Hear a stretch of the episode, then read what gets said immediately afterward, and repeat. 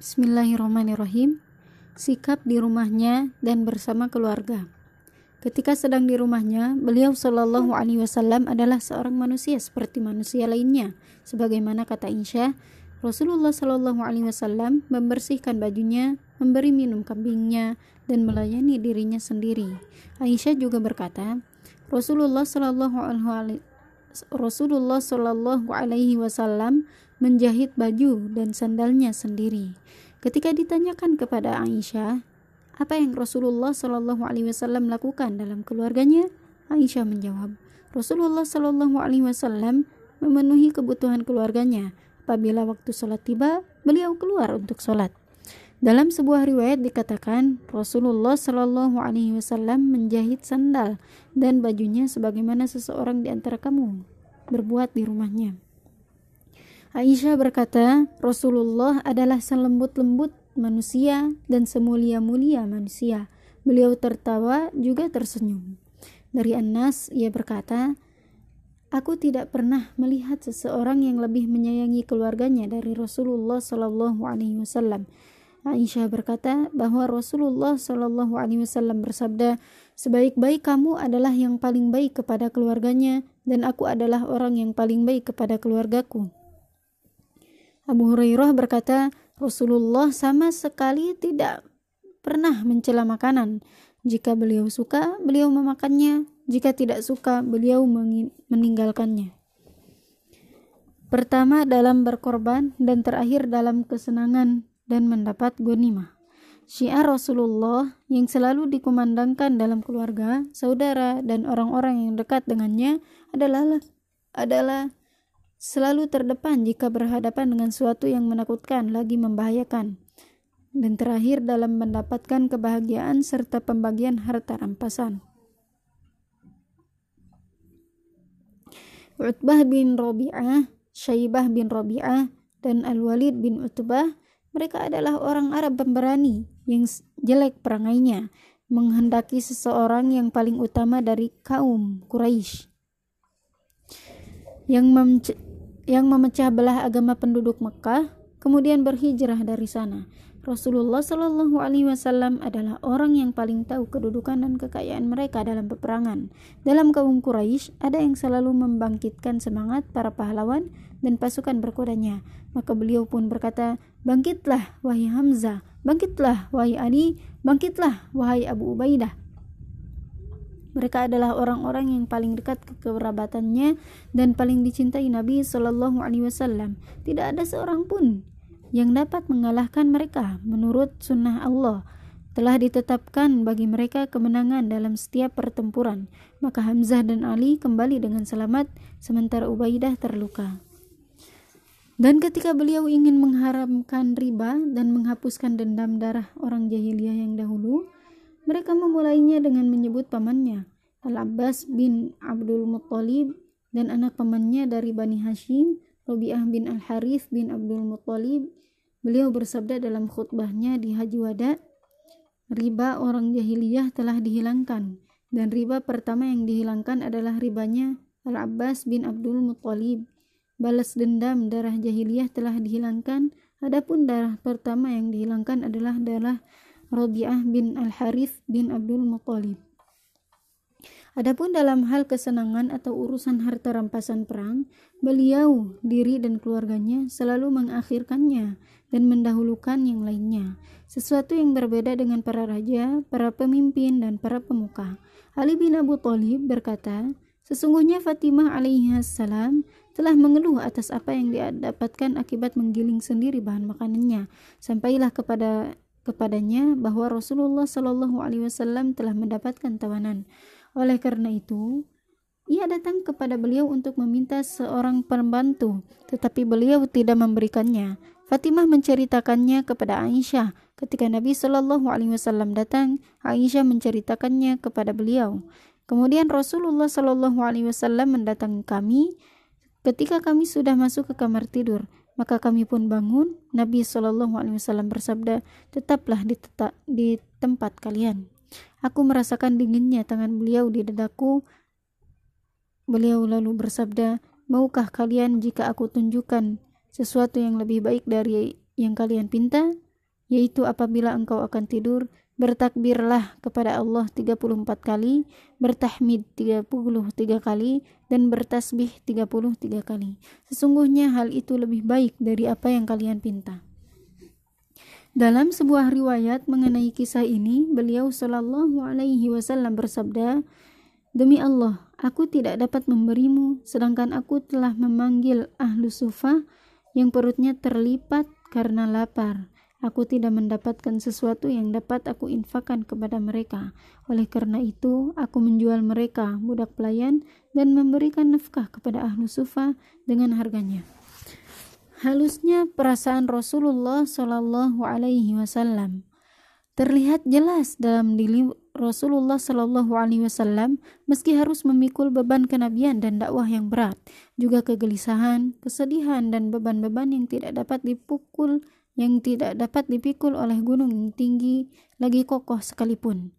Bahwa beliau sangat halus perasaannya, kemanusiaannya, dan mulai mulia perasaan manusiawinya dan mulia perasaan manusiawinya dengan seindah-indahnya keduanya dan dengan keras dan kuatnya keinginan yang menjadi kelebihan para nabi.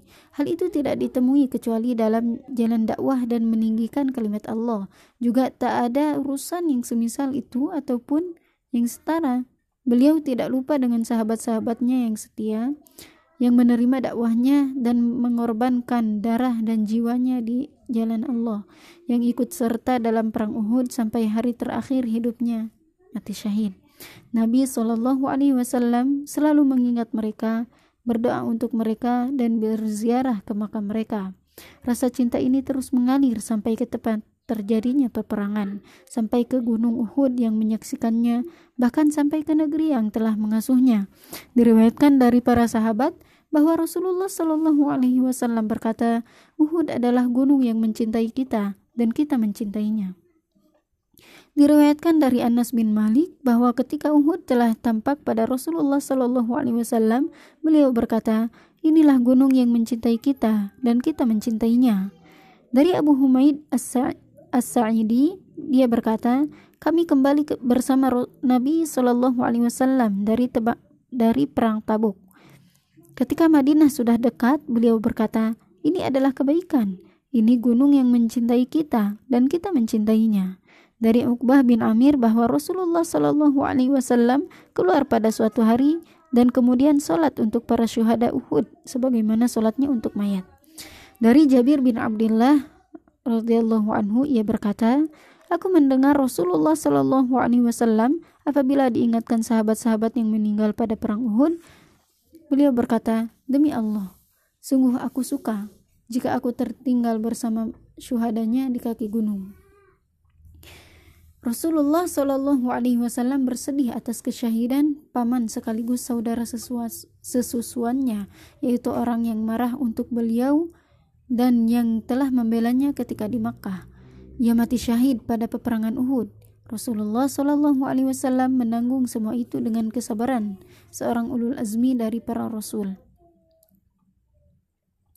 Akan tetapi ketika memasuki kota Madinah, pulang dari Uhud, dan berjalan melewati perkampungan Bani Abdul Ashal, beliau mendengar tangisan dan ratapan atas kematian orang-orang mereka.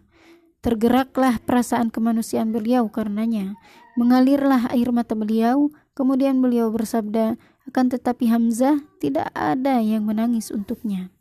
Namun begitu, rasa kemanusiaannya yang halus ini tidak dapat mengalahkan rasa tanggung jawab kenabian, dakwah, dan dalam melaksanakan hukum-hukum Allah. Ashabus Sa'ir telah meriwayatkan bahwa Sa'ad bin Mu'adh dan Usaid bin Hudair pergi ke perkampungan Badi Abdul Ashhal menyuruh agar wanita-wanita mereka pergi mengisi kematian paman Rasulullah Shallallahu Alaihi Wasallam. Mereka wanita wanita-wanita itu pun melaksanakannya. Ketika Rasulullah Shallallahu Alaihi Wasallam mendengar tangisan mereka kepada Hamzah, Rasulullah Shallallahu Alaihi Wasallam mendatangi mereka. Mereka menangis di pintu masjid. Beliau bersabda, kembalilah kalian.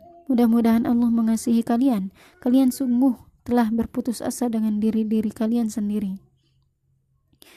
Diriwayatkan juga bahwa beliau bersabda, apa-apaan ini? Kemudian beliau diberi diberitahu atas apa yang dilakukan kaum Ansor kepada wanita-wanita mereka. Rasulullah Shallallahu Alaihi Wasallam memohonkan ampun bagi mereka dan berkata kepada mereka dengan baik. Beliau bersabda, hal ini tidak aku inginkan. Aku tidak menyukai tangisan. Dan Rasulullah Shallallahu Alaihi Wasallam melarang hal itu. Dan yang paling halus dari semua itu adalah saat Rasulullah Shallallahu Alaihi Wasallam berada bersama Wahsy, pembunuh singa Allah dan singa Rasulnya, Hamzah. Ketika Allah menaklukkan kota Makkah untuk kaum muslimin, Wahsy merasakan hidupnya sempit di Mekah dan dia ingin melarikan diri ke Syam, Yaman atau negeri yang lain. Dunia seolah menjadi gelap baginya. Dikatakan kepadanya, Celaka engkau, sesungguhnya Rasulullah Shallallahu Alaihi Wasallam tidak akan membunuh seseorang yang masuk ke dalam agamanya. Maka dia bersaksi dengan persaksian yang benar. Kemudian datang kepada Rasulullah Shallallahu Alaihi Wasallam. Beliau menerima keislamannya. Beliau tidak menakut-nakutinya.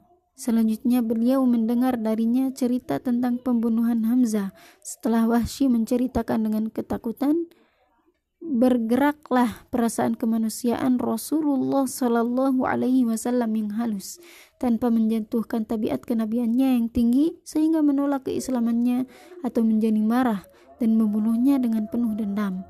Tidaklah beliau berbuat sesuatu kecuali hanya bertanya, sembunyikanlah wajahmu dariku sehingga aku tidak melihatmu. Wahsy berkata, Aku pun menjauhkan diri dari Rasulullah Sallallahu Alaihi Wasallam supaya beliau tidak melihatku sampai Allah mewafatkannya. Dalam riwayat Bukhari, ketika Rasulullah Sallallahu Alaihi Wasallam melihatku, beliau bertanya, "Engkaukah Wahsy?" Aku menjawab, "Benar." Rasulullah Sallallahu Alaihi Wasallam bertanya, "Engkaukah yang telah membunuh Hamzah?" Aku menjawab, "Seperti yang engkau ketahui." Beliau berkata, Dapatkah engkau menyembunyikan wajahmu dariku? Karena perasaan kemanusiaan yang halus dan kasih sayangnya inilah sehingga beliau Shallallahu Alaihi Wasallam melarang mulai dari menggambari kubur hingga duduk di atasnya. Perasaannya yang halus selalu mendatanginya hingga beliau pun menangis. Beliau berkata, ini adalah kuburan Aminah binti Wahab. Hal ini terjadi ketika telah berlalu saat yang lama dari meninggalnya sang ibu. Kemuliaan dan kesantunan Rasulullah Shallallahu Alaihi Wasallam. Rasulullah Shallallahu Alaihi Wasallam adalah imam dari keseluruhan makhluk. Beliau adalah guru mereka dalam akhlak yang baik, kemuliaan jiwa, dan ketawaduan. Allah telah berfirman, dan sesungguhnya engkau benar-benar berbudi pekerti yang agung. Surat Al-Qalam ayat 4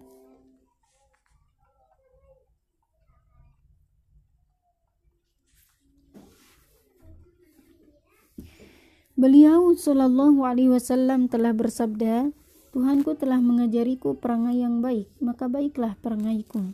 Dari Jabir bahwa Nabi Shallallahu Alaihi Wasallam bersabda, Sesungguhnya Allah mengutusku untuk menyempurnakan akhlak mulia dan menyempurnakan perbuatan baik.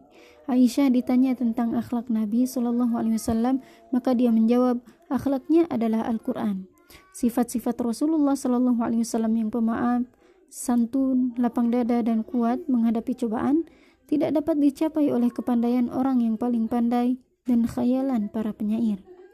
Kalau seandainya hal-hal tersebut tidak diriwayatkan dari jalan yang tidak terdapat jalan yang syak, tidak ada yang mencapai serupa itu, sementara akal manusia menyetujuinya. Kan tetapi hal-hal tersebut diriwayatkan dengan sanad-sanad yang sahih dan bersambung. Dikutip oleh orang adil dari orang yang adil, terus menerus dan sering, maka jadilah bagian dari ketetapan sejarah Nabi Wasallam yang terpercaya. Dan kami cukupkan dengan sedikit dari apa yang diriwayatkan tersebut dalam bab ini. Karena kemuliaan dan pemaaf Nabi Wasallam sampai-sampai terhadap musuh yang paling keras permusuhannya sekalipun beliau masih berbuat baik.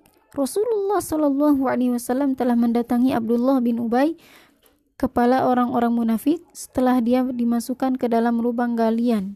Rasulullah Shallallahu Alaihi Wasallam memerintahkan untuk mengeluarkannya. Beliau meletakkannya di atas kedua lututnya, meludahinya dengan ludahnya dan memakaikan baju gamis beliau. Anas bin Malik radhiyallahu anhu berkata, Aku berjalan bersama Rasulullah Shallallahu Alaihi Wasallam dan beliau membawa kain selimut dari Najron yang tepinya kasar. Seorang Arab Badui mengetahuinya dan langsung menarik selimut itu dengan keras. Aku melihat sisi bahu Nabi Shallallahu Alaihi Wasallam ketika beliau membuka selimutnya. Di lehernya ada bekas karena kerasnya tarikan. Orang Arab Badui itu berkata, Wahai Muhammad, berilah aku harta Allah dan yang ada padamu. Nabi Shallallahu Alaihi Wasallam berpaling ke arahnya. Beliau tertawa, kemudian menyuruh untuk memberinya.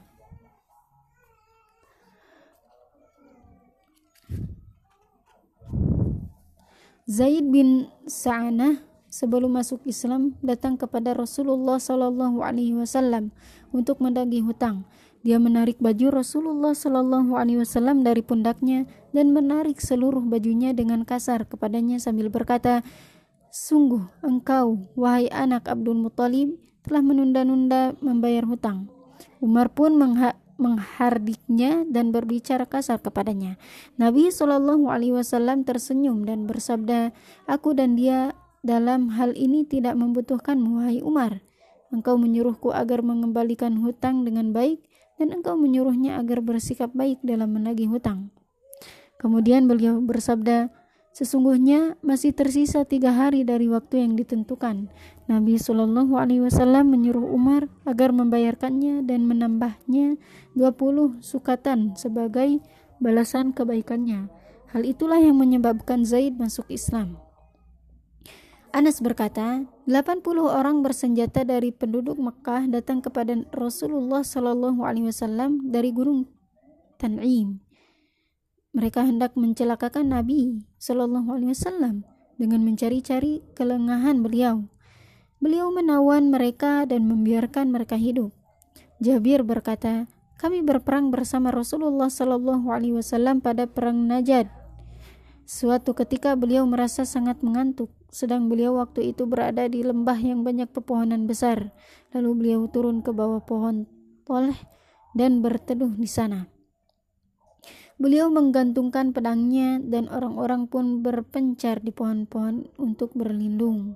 Ketika Rasulullah Shallallahu Alaihi Wasallam memanggil kami, maka segera kami datang. Ada seorang Arab Badu yang duduk di depannya. Beliau berkata, Orang ini mendatangiku ketika aku sedang tidur. Dia mengambil pedangku, maka aku terbangun. Dia berdiri tepat di atas kepalaku dengan menghunus pedang yang tajam sambil berkata, Siapa yang dapat melindungimu dariku? Aku menjawab, Allah. Dia telah menyarungkannya, kemudian duduk, dan inilah orang itu. Kemudian dia berkata, Rasulullah Shallallahu Alaihi Wasallam tidak menghukumnya.